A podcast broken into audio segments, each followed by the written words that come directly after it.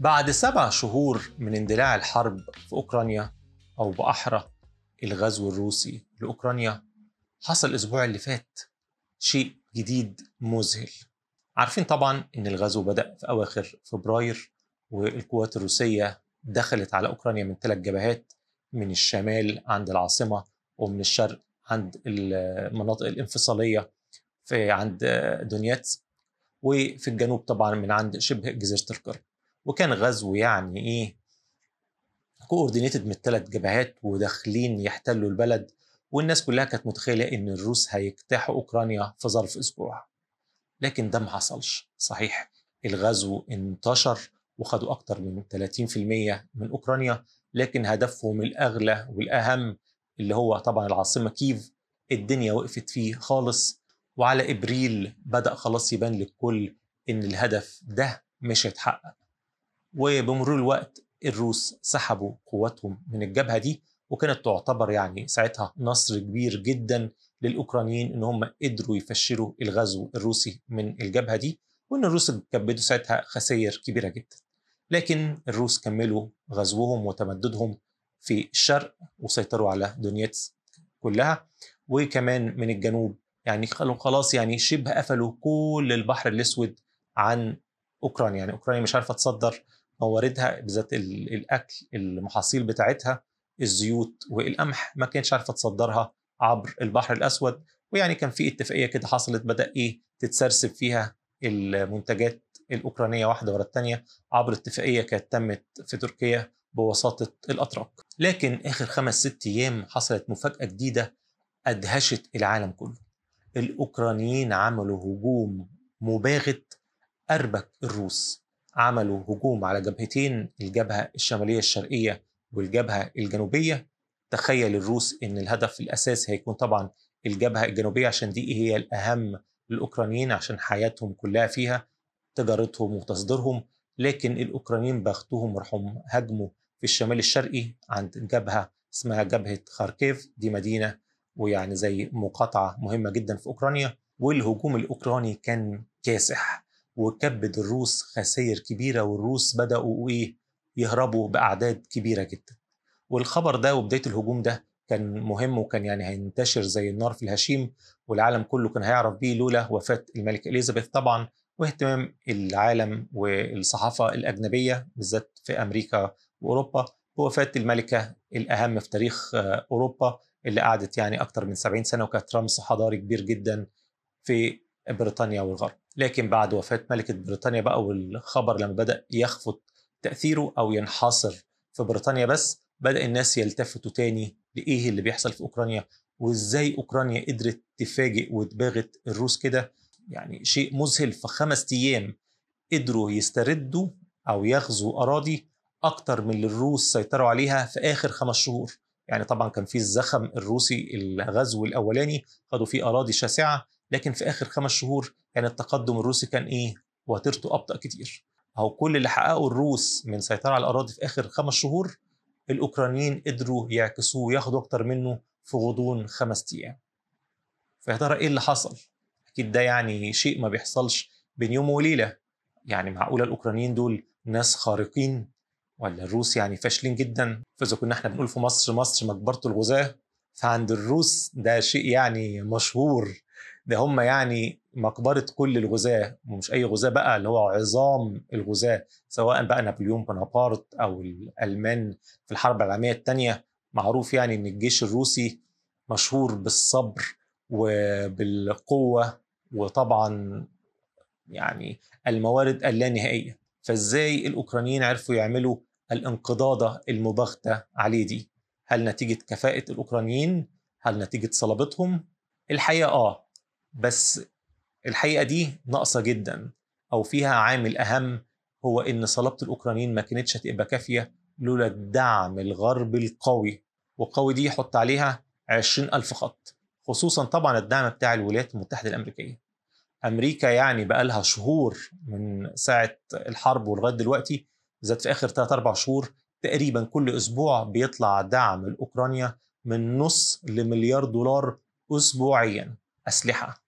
وعتاد وذخيرة ومرتبات للموظفين في أوكرانيا وأكل وشرب دعم غير محدود من أمريكا فظيع. الدعم ده مش بس خلى الأوكرانيين يقدروا يصمدوا بل والجيش الأوكراني بقى عنده يعني سعة أو مجال إنه يقدر يخطط يعني لمعارك كبيرة والخطط كبيرة في المستقبل عشان ضامن حليفه الأمريكي. وحلفائه الغربيين برضه بس طبعا الولايات المتحدة الأمريكية هي العامل الأهم في المعادلة دي كلها. وده اللي حصل في العملية اللي قدامنا. الأوكرانيين بقى عندهم أسلحة متميزة أحدث بكتير من عند الروس خصوصا أنواع من الصواريخ الحديثة. يقدروا مش بس يضربوا الروس في عمقهم على بعد 50 60 كيلو آه صواريخ محمولة بتتحرك بمنتهى السهولة. وكمان بقى عندهم نظام استخباراتي عالي جدا عن طريق التعاون مع الولايات المتحدة الأمريكية. بقوا يقولوا كل المعلومات اللي على الأرض للمخابرات الأمريكية وأمريكا عبر يعني ترسانتها الاستخباراتية المهولة من أقمار اصطناعية وتجسس سيبراني وغيره. يوجهوهم يقول لهم وجهوا يا أوكرانيين الضربة هنا بالصواريخ بتاعتكم أو اعملوا عمليات تخريبية هنا أو هنا أو هنا. فعلى مدى الشهرين اللي فاتوا كانوا بيكبدوا الروس خسائر كبيرة جدا بالذات في طرق الإمداد والمخازن الذخيرة بتاعتهم. يعني قصوا وضروا الروس بطريقة كبيرة. ده ناهيك طبعا عن المقاطعة الدولية الضخمة العقوبات اللي فرضها الغرب بقيادة الولايات المتحدة الأمريكية. لدرجة إن في آخر شهر سمعنا أخبار عن إن روسيا بتاخد drones اللي هي طيارات مسيرة من إيران. مش قادرة تنتج ال drones بتاعتها عشان مش عارفة تجيب البروسيسورات الضرورية. وبتستورد ذخيرة من مين؟ من كوريا الشمالية يعني الدولة المنبوذة اللي يعني متأخرة يعني عايشة فيما قبل الخمسينات لغاية دلوقتي روسيا بجلاله قدرها بتستورد منهم ذخيرة. فوضع روسيا في التسليح متأثر جامد جدا الفترة اللي فاتت وكمان أوكرانيا عمالة بتخرب في المستودعات بتاعتها والذخيرة بتاعتها اللي موجودة على الأرض. مش كده وبس كمان هم بيرضوا الغرور الأمريكي إن هم زي كده التلميذ المطيع بيمدوا الأمريكان بالمعلومات وبيسمعوا بمنتهى الاحترام لمقترحات الأمريكان ولخططهم يعني مثلا زيلينسكي وفي ناس كتير في القيادة في الجيش الأوكراني كان زي ما قلت كده همهم إن هم يحرروا الجنوب إن هو ده الأولوية بالنسبة لنا. عاوزين نسترجع موانينا تاني ونصدر حاجاتنا الصادرات بتاعتنا زي الأول. لكن الأمريكان عشان عندهم نظرة من فوق وشايفين القدرات الحقيقية للأوكرانيين والتمركز والقوة الفعلية للروس على الأرض الأوكرانيين لا ما تخاطروش بكده دلوقتي. حققوا انتصار على الأرض يرفع معنوياتكم ويستعيد ثقة الأوروبيين فيكم.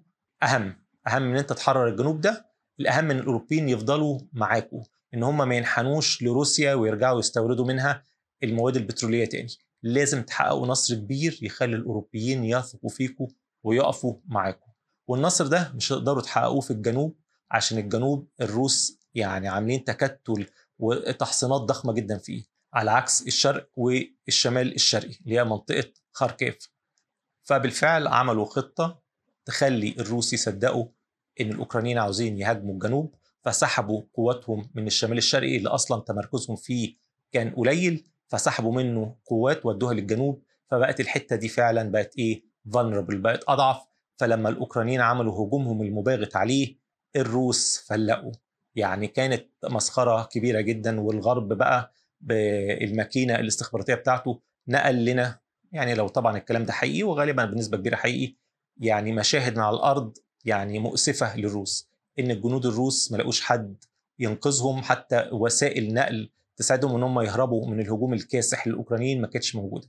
يعني في عندنا مشاهد وشهادات لناس أوكرانيين كتير بيقولوا إن مثلا جنود الروس كانوا يدخلوا يقتحموا بيوت الأوكرانيين وياخدوا منهم هدوم مدنية يسرقوا العربيات بتاعتهم العجل بتوعهم ويهربوا قدر الإمكان بأسرع وقت ويرجعوا على روسيا قبل القوات الأوكرانية ما تحاصرهم. فالحقيقة دول أربع خمس أيام من الخزي والعار للجيش الروسي هناك والناس بقت دلوقتي عمالة تفكر هل دي مجرد هجمة مرتدة من الأوكرانيين ولا الموضوع هيقلب برومونتادا كاملة وفوز ساحق للأوكرانيين؟ لسه بدري. يعني رغم كل شيء لسه روسيا مستحوذة على أجزاء كبيرة جدا من أوكرانيا بالذات الجنوب الأكثر استراتيجية. لكن النصر إدى يعني دفعة معنوية جامدة جدا للأوكرانيين. والناس هناك يعني بيزقططوا وبيرقصوا وبيعيطوا في الشوارع من كتر التأثر. وعمالة بقى تجيلنا يعني شهادات للناس من كل حتة. وفي مقالات في الميديا الغربية يعني مهولة قد إيه الأوكرانيين معنوياتهم في السماء بل ولدرجة في مقالة لطيفة هبقى أسيب اللينك بتاعها في التعليقات. آه، إن الأوكرانيين بدأوا دلوقتي يعيشوا في دور النوستالجيا اللي هو إيه؟ الحنين والتذكر والشجن للأيام الأكثر صعوبة في الحرب. يعني ولا كأن الحرب خلصت وهم انتصروا.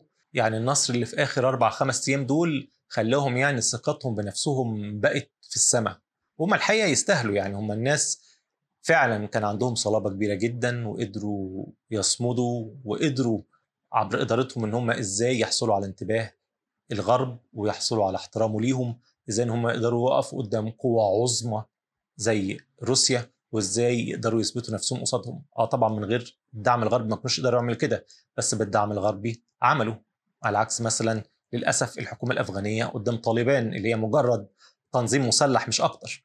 فناس قدروا يقفوا يثبتوا نفسهم حققوا لنفسهم هوية منفصلة عن يعني وجهة النظر أو السردية الروسية إن هم مجرد جزء من الشعب ومن الثقافة الروسية. لا هم أثبتوا إن هم ليهم شخصيتهم المتفردة وإن هم يقدروا يقفوا للروس وإن هم يقدروا يقاوموهم. يبقوا يقروا المقالة اللي هحطها اللي هي تبع جريدة الأتلانتيك تبع الموقع بتاعه. وفيها تفاصيل لطيفة عن إزاي إن الدايرة الضيقة اللي حوالين زيلينسكي كانوا إزاي بيفكروا وبيتصرفوا وإزاي يعني إيه الدنيا كانت بتحصل في المطبخ السياسي الأوكراني بالذات في الإيه الشهور الأولى من الحرب. لكن زي ما بقول لسه بدري وما ينفعش فعلا إن أوكرانيا تحتفل بالنصر من دلوقتي. آه طبعا لازم يفرحوا بنفسهم وبالإنجاز اللي عملوه بس لسه حتت كتير من أراضيهم محتلة. وكمان الأهم winter is coming الشتاء قادم.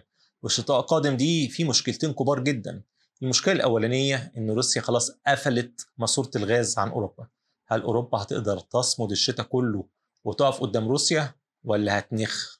دي مشكلة. والمشكلة الثانية عسكرية ميدانية. هناك عندهم السقعه بتبقى فظيعة. فالأوكرانيين لو عاوزين يحققوا أي نصر على الأرض لازم يعملوه اليومين دول وبسرعة. يا دوبك عندهم موسم الخريف اللي هو عندهم موسم قصير عشان الجليد والسقعة عندهم بتيجي بدري بدري. طب إيه أخبار الدنيا في روسيا؟ طبعا زي الزفت. المعنويات في الأرض مش بس ما بين الجنود اللي عاملين بيفلقوا وبيهربوا لا وجوه روسيا نفسها. المحللين السياسيين والعسكريين الأقرب لبوتين ولنظرته القوميين عندهم حالة من الإحباط مهولة. كل الناس عمالة بتلوم القيادات العسكرية على الآخر بتقول إن القيادات فاشلة بيقولوا إن اللوجيستكس الإمداد والتسليح على الأرض والتنسيق حاجة يعني مستوى متدني جدا وفي دعوات لإقالة الجنرالات والقادة بل ووزير الدفاع نفسه. وزي ما قلت في الحلقة اللي فاتت في طبعا دعوات دلوقتي متصاعدة وضغط على الحكومة الروسية من القوميين والعسكريين إن يحصل تعبئة عامة. اللي هو مش هينفع إن روسيا بعظمتها يحصل فيها كده. ده مش قدر روسيا. دي مش إمكانيات روسيا الحقيقية. لازم روسيا تثبت نفسها وعشان تثبت نفسها يبقى لازم تخش الحرب بحق وحقيقي. وتعلن الحرب على أوكرانيا. مش عملية عسكرية خاصة. لا نعمل تعبئة عامة وحرب بقى شاملة. نخش نغزو أوكرانيا ويعني نجيبها الأرض على طول. مش نقعد بقى نتدلع ونقول إيه عملية خاصة ومش عملية خاصة. الغرب عاوز يتدخل يلا بقى نتدخل ونقلب أوروبا كلها جحيم. فده طبعا سياق خطر جدا. بوتين من البداية بيحاول إن هو يتفاداه تماما. المشكلة زي ما بقول إن دي طالعة من الناس اللي مع بوتين الناس القوميين اللي بيدافعوا عنه. بل والكارثة كمان إن واحد من أشد بقى أنصاره مين مش هتصدقوا قاديروف رمضان قاديروف بتاع الشيشان اللي هو يعني الناس بتعتبره من دراعاته اليمين. يعني ده الصبي بتاع بوتين واللي بينفذ له أشد عملياته خطورة ويعني الراجل بالفيلق الشيشاني بتاعه كان بيعمل في أوكرانيا يعني شغل عالي جدا.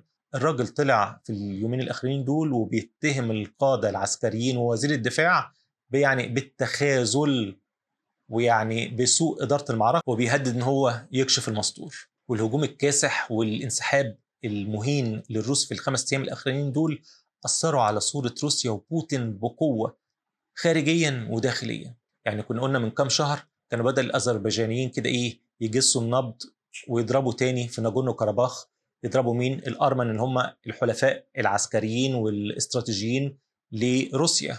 لسه برضو اليومين دول هاجمت أذربيجان وعملت هجمة تانية وقتلت لها بتاع 49 جندي أرميني. وأرمينيا عمالة تستنجد بروسيا. بس روسيا مين هي؟ معاك في أرمينيا دلوقتي ولا هناك في الجحيم اللي هي دخلته في أوكرانيا؟ يعني موقف صعب. والأنكى زي ما بقول بقى إن وضع بوتين وشعبيته بقت على المحك جوه روسيا لدرجة إن المعارضين بتوعه بدأوا يتجرأوا.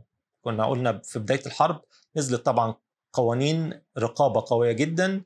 أي حد يتكلم على الحرب بأي آراء سلبية بيتقبض عليه يدفعوا غرامات يخشوا السجن.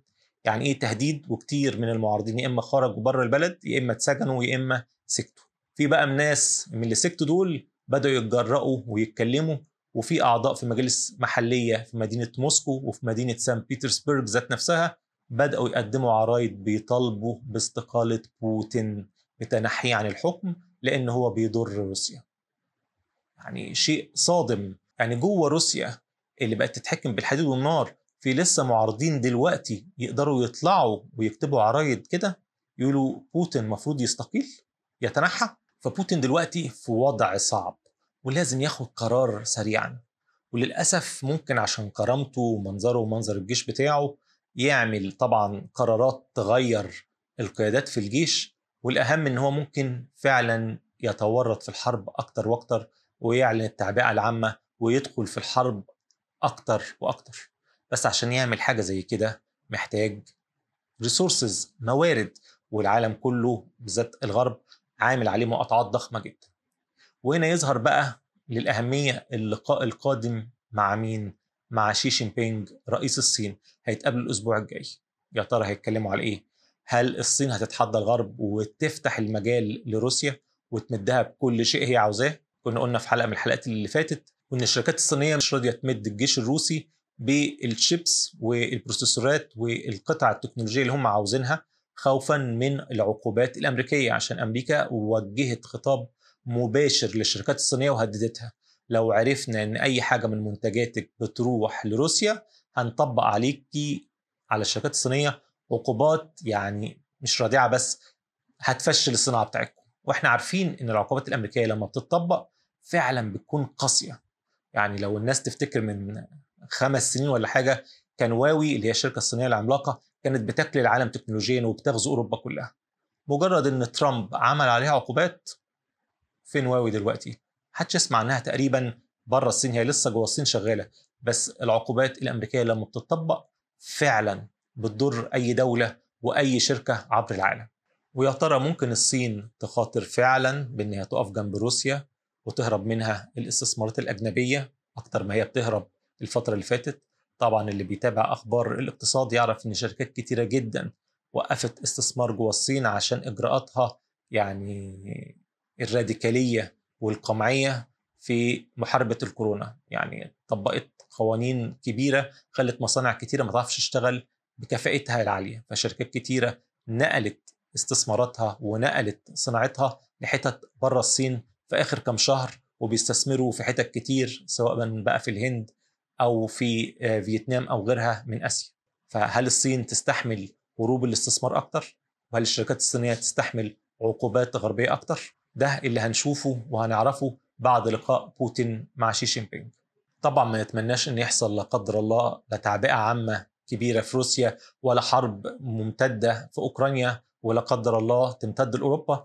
ونتمنى إن الموضوع يتلم وإن الجانبين روسيا وأوكرانيا يقعدوا مع بعض ويبقى في مفاوضات سلام وروسيا تنسحب من أوكرانيا على خير والناس كده تعقل وتهدى من غير برضه ما يعوروا روسيا أكتر ما هي متعورة. بس ده كل عندي النهارده. كالعادة أحب أسمع آرائكم ومقترحاتكم ولو في أي تصحيح لأي معلومة في الحلقة يا ريت تسيبوها في التعليقات سواء على الفيسبوك أو على اليوتيوب. لو عجبتكم الحلقة ال like وال share على مواقع التواصل الاجتماعي واشتركوا في القناة عشان توصلكم الحلقات الجديدة أول بأول. شكرا وأشوفكم على خير الحلقة الجاية. مع السلامة.